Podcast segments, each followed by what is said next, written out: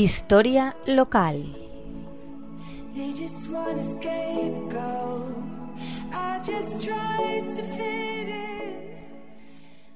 Buenas tardes, amigos de la Tegua Radio. Hoy vamos a hablar de nuestro ilustre paisano, de nuestro maestro en las lides literarias, del hijo más ilustre de Monóvar, de José Martínez Ruiz o Azorín, que tanto monta, monta tanto. Su nombre completo era José Augusto Martínez Ruiz. Empleó varios seudónimos en su carrera literaria, pero el más popular fue el de Azorín. Nació en Monóvar el 8 de junio de 1873, siendo el mayor de nueve hermanos. Su padre, don Isidro Martínez Soriano, era natural de Yecla, militaba en el Partido Conservador y ejercía de abogado en Monóvar, donde poseía una importante hacienda que le permitía sacar adelante a toda su numerosa familia, sin especiales agobios. En política desempeñó los cargos de diputado provincial y alcalde de Monóvar. Su madre, doña María Luisa Ruiz Maestre, había nacido en Petrer, en el seno de una familia tradicional burguesa y acomodada. De su hijo primogénito decía, Pepito ha heredado mi espíritu de observación. A los ocho años, Azorín ingresó en el Colegio de los Escolapios de Yecla, donde hizo sus primeros estudios hasta 1888. Después cursó Derecho en Valencia hasta 1896, interesándose por el krausismo y el anarquismo, y se entregó a febriles lecturas literarias y políticas. Comenzó a colaborar en diversos periódicos, como El Eco de Monóvar, El Mercantil Valenciano y El Pueblo, periódico de Vicente Blasco Ibáñez, empleando diferentes seudónimos. En 1895 publica dos ensayos anarquistas literarios y notas sociales, en los que presenta al público las principales teorías anarquistas. De Derecho se examinó también en Granada y Salamanca, pero recalará definitivamente el 25 de noviembre de 1896 en Madrid para seguir sus estudios.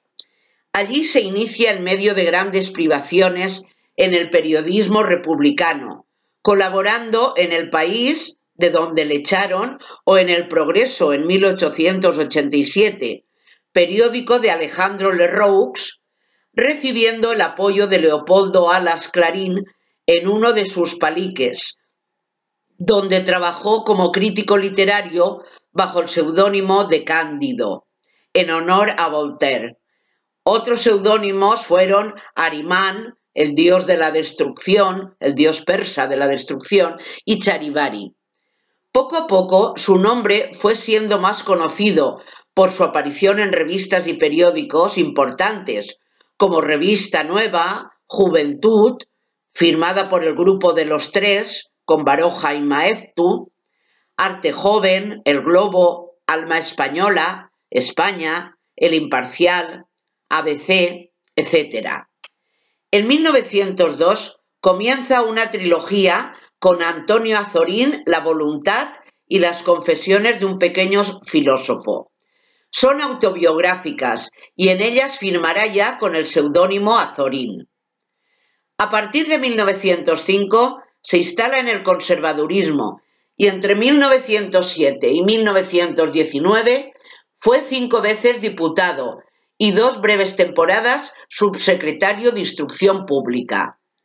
Antonio Maura y el ministro Juan de la Cierva y Peñafiel se convierten en sus máximos valedores. Entre 1914 y 1917 se incorporó a la vanguardia como crítico literario. Viajó incansablemente por España y ahondó en la lectura de los clásicos del siglo de oro. Durante la dictadura de Primo de Rivera se negó a aceptar ningún cargo público de manos del dictador. En 1924 fue elegido miembro de la Real Academia Española. Cuando estalló la guerra civil, huyó a Francia con su esposa Julia Guinda. Regresando, cuando finalizó la contienda. En 1946 se le otorgó la Gran Cruz de la Orden de Alfonso X el Sabio.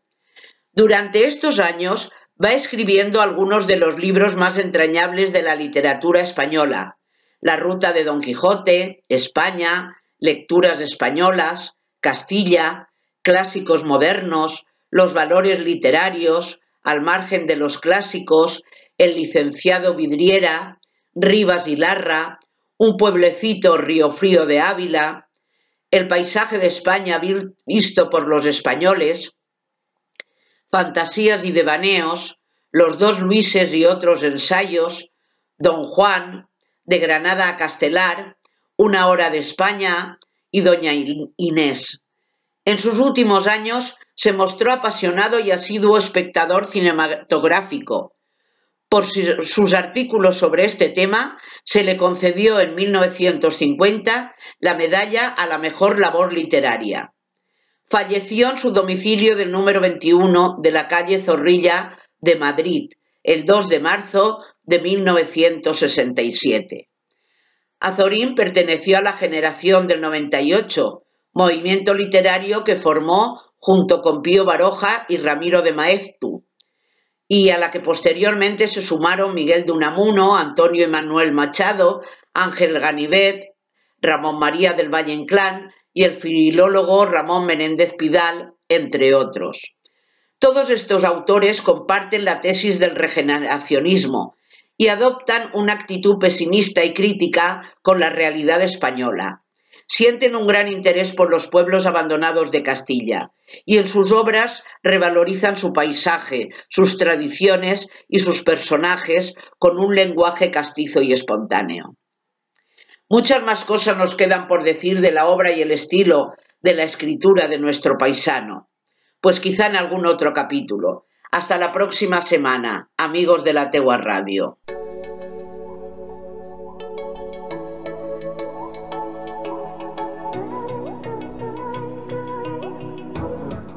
Historia local. Just